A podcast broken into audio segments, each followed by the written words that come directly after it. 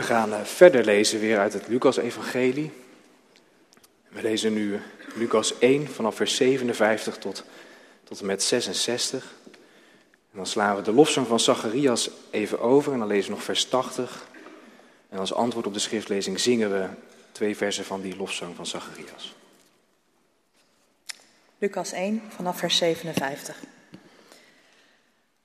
Toen de dag van haar bevalling was aangebroken, bracht Elisabeth een zoon ter wereld. Haar buren en verwanten hoorden hoe barmhartig de Heer voor haar was geweest en ze verheugden zich samen met haar. Op de achtste dag kwamen ze het kind besnijden en ze wilden het Zacharias noemen naar zijn vader.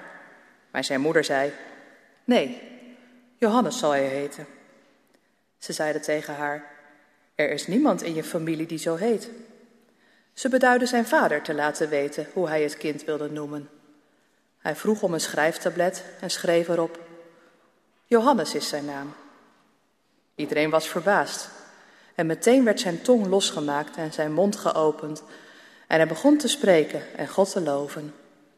Alle omwonenden waren diep onder de indruk. En in heel het bergland van Judea werden deze gebeurtenissen besproken. Ieder die het hoorde, bleef erover nadenken en vroeg zich af: hoe zal het verder gaan met dit kind? Want de hand van de Heer steunde hem. Het kind groeide op en werd gesterkt door de geest. Johannes leefde in de woestijn tot de dag aanbrak waarop hij zich kenbaar maakte aan het volk van Israël. Dit is het woord van God. Gemeente van Jezus Christus, broeders en zusters. Deze zondag draagt de naam Gaudete. Wees blij betekent dat. Het is de derde zondag van Advent, de tijd waarin we ons voorbereiden op de komst van Jezus Christus. En dat een van die vier Adventszondagen de naam van de vreugde draagt, zegt iets over het belang van de vreugde in deze tijd. Blijkbaar is vreugde relevant in de voorbereiding op de komst van Jezus. Wat mij betreft onthoud je deze naam als uh, de naam Zondag voorpret. Maar Johannes de Doper, over wie we vanmorgen lazen, heb ik eigenlijk nooit in verband gebracht met vreugde. En vanmorgen vraag ik me af of dat nou terecht is. Ik weet niet of iedereen Johannes de Doper uh, scherp heeft. Maar hij is de profeet die net voor Jezus komt en als wegbereider wordt gezien. Een man die leeft in de woestijn, volgens andere evangelisten nogal uh, robuust gekleed gaat. Kameelharen mantel, grote riem, dieet van honing en sprinkhanen. En als hij begint met, met preken op een zeker moment, dan doet hij dat ook op een heel radicale manier. Hij maakt ruzie met religieuze leiders, krijgt aan de stok met koning Herodes, zegt tegen de gewone mensen dat ze zich niet zomaar rijk moeten rekenen met God. Want ja, als je bij Gods volk hoort, betekent dat nog niet dat je een kind van God bent. God kan uit deze stenen nog kinderen maken, zegt hij. En dan ontstaat al gauw een beeld van hem in je hoofd. Van een tikkeltje boze, compromisloze man. Zo iemand die heel erg onaangepast is en door maar weinig mensen wordt begrepen.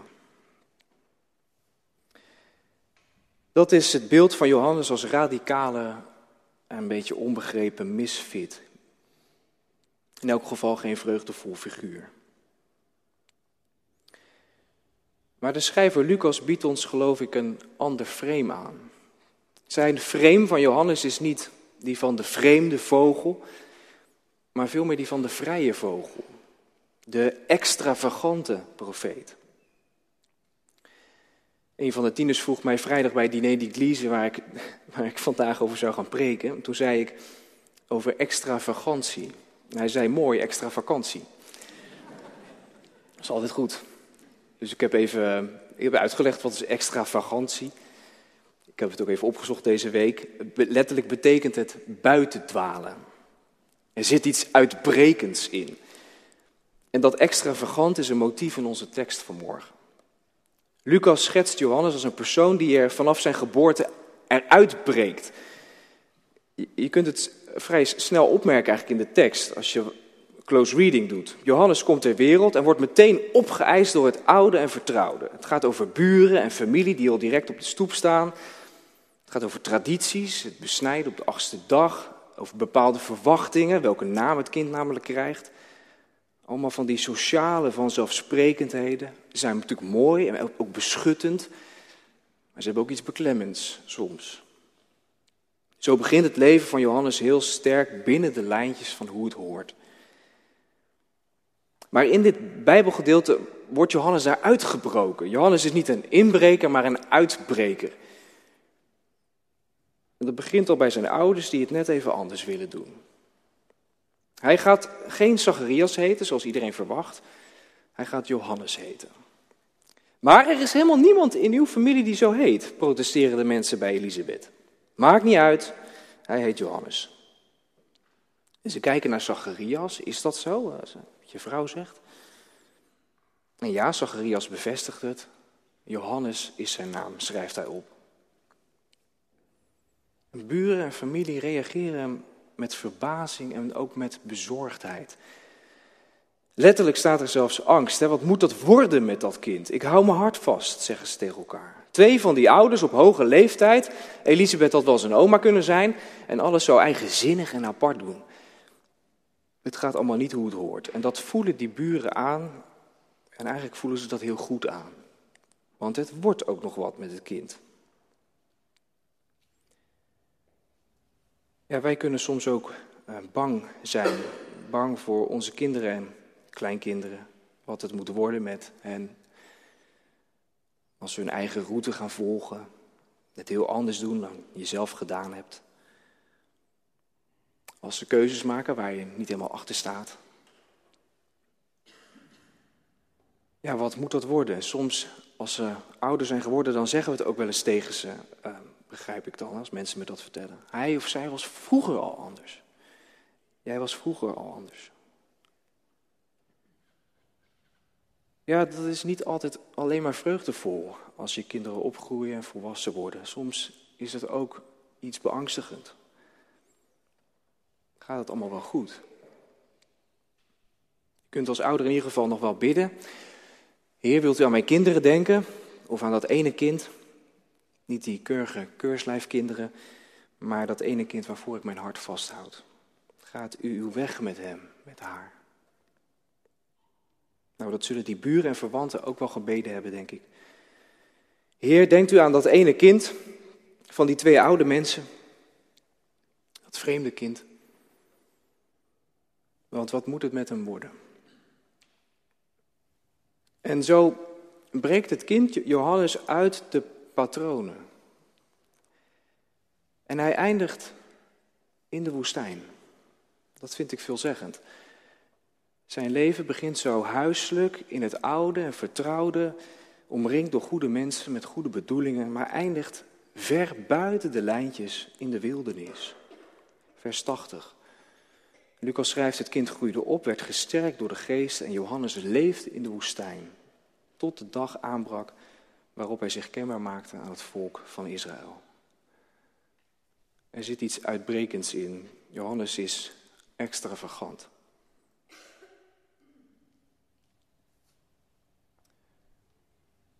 Bij Lucas is de Heilige Geest ook de grote uitbreker. Lucas schreef niet alleen dit evangelie, maar ook het Bijbelboek Handelingen. En daar is ook de geest, de geest van God, een geest van vuur en van wind. Dat vang je niet. Dat gaat waarin het wil. En daar spreekt de geest in alle talen. De geest is in handelingen de geest die de grenzen verlegt. Van het Joodse volk naar alle volken. Van Jeruzalem helemaal naar Rome. De geest is bij Lucas bij uitstek extravagant. Bij de apostel Paulus is de geest vurig. Wees vurig van geest, schrijft Paulus in de Romeinenbrief. Vurig is flamboyant, enthousiast. En Paulus schrijft over de vrucht van de geest en dan is na de liefde de vreugde ook meteen het tweede wat hij noemt. De vrucht van de geest is liefde, vreugde. Daar zit iets uitbundigs in, in het werk van de geest. Als Johannes dus gesterkt wordt in de geest, dan vuurt de geest hem aan. De geest maakt hem flamboyant. De profeten hebben vaak iets vurigs. Iets dat niet te blussen valt. Profeten kennen aan de ene kant beproevingen en tegenslagen. Dat is vaak de reden waarom ze gaan profiteren. Ze zien als geen ander een spirituele of sociale crisis van hun tijd. Ze hebben allemaal hun woestijntijd. En van, van daaruit spreken zij hun tijdgenoten aan. Vanuit die bezorgdheid, vanuit die beproeving. En, en dat doen ze niet zelden heel vurig, met iets wat niet klein te krijgen valt. En zo heeft ook Johannes zijn woestijntijd. Maar daar is hij dus geen topperige kluizenaar geworden. Hij is daar gesterkt door de geest. Hij heeft daar iets gekregen wat onoverwinnelijk is. Dus denk bij een eigen tijdse Johannes de Doper niet aan een wat treurig uit de toon vallend figuur. Maar denk eerder aan een wat onaangepast type op knalrode kistjes. En zo iemand die net even iets vreemds heeft, maar juist daarom ook wel aanspreekt. Ik denk dat we deze interpretatie van uh, Johannes vandaag op zondag Gaudete iets gemakkelijker met vreugde verbinden. Maar goed, misschien dat iemand vanmorgen dit frame op Johannes een beetje onterecht vindt. Want straks dan uh, ontpopt hij zich toch ook gewoon als een boeteprediker. Dan is hij ongekend fel, dan krijgt hij aan de stok, ik zei het al, met religieuze leiders en met koning Herodes. En dan zegt hij tegen de mensen dat ze zich niet zomaar rijk moeten rekenen met God, want je leven moet wel vrucht dragen. En dan scheldt hij mensen uit voor andere gebroed en roept hij dat de bel aan de wortel van de boom ligt. Terecht als je je afvraagt, is dat nou flamboyant of is het eerder heet gebakerd? Als we dan in Lucas 3 verder lezen over Johannes, dan kan ik me niet aan de indruk onttrekken dat hij ook gewoon iets innemends moet hebben gehad. Hij brengt heel veel volk op de been. Hij zorgt ervoor dat kinderen en ouders zich weer met elkaar verzoenen. Hij zorgt ervoor dat mensen oprecht opnieuw willen beginnen met God en met elkaar. En hij spreekt daarbij een heel breed publiek aan. Er zijn gewone mensen die naar hem toe komen en vragen: Wat moeten wij doen, Johannes? En hij zegt: ja, Als je twee stel kleren hebt, geef dan één stel kleren aan iemand die er geen heeft. En met eten moet je hetzelfde doen. Maar er komen ook tollenaars bij hem. En ze vragen: Wat moeten we doen, meester? En hij zegt: Vraag niet meer geld dan jullie is opgedragen. En er komen soldaten bij hem. En zij vragen: Wat moeten wij doen, Johannes? En hij antwoordt: Laat je niet omkopen en neem genoegen met je soldij. Blijkbaar trekt Johannes heel breed in de maatschappij allemaal mensen aan. Gaat iets van hem uit. Men voelt goed aan wat hij zegt, wat hij bedoelt. Hij wint ruim sympathie. En de dingen die hij zegt zijn wel scherp, dat klopt, maar ze zijn ook mooi. Ze zijn echt en puur. Want waar Johannes een probleem mee heeft, is het sleetse, de dingen die worden gedaan voor de vorm. En daar spreekt hij zich tegen uit. En de mensen merken, ja, bij hem is het echt.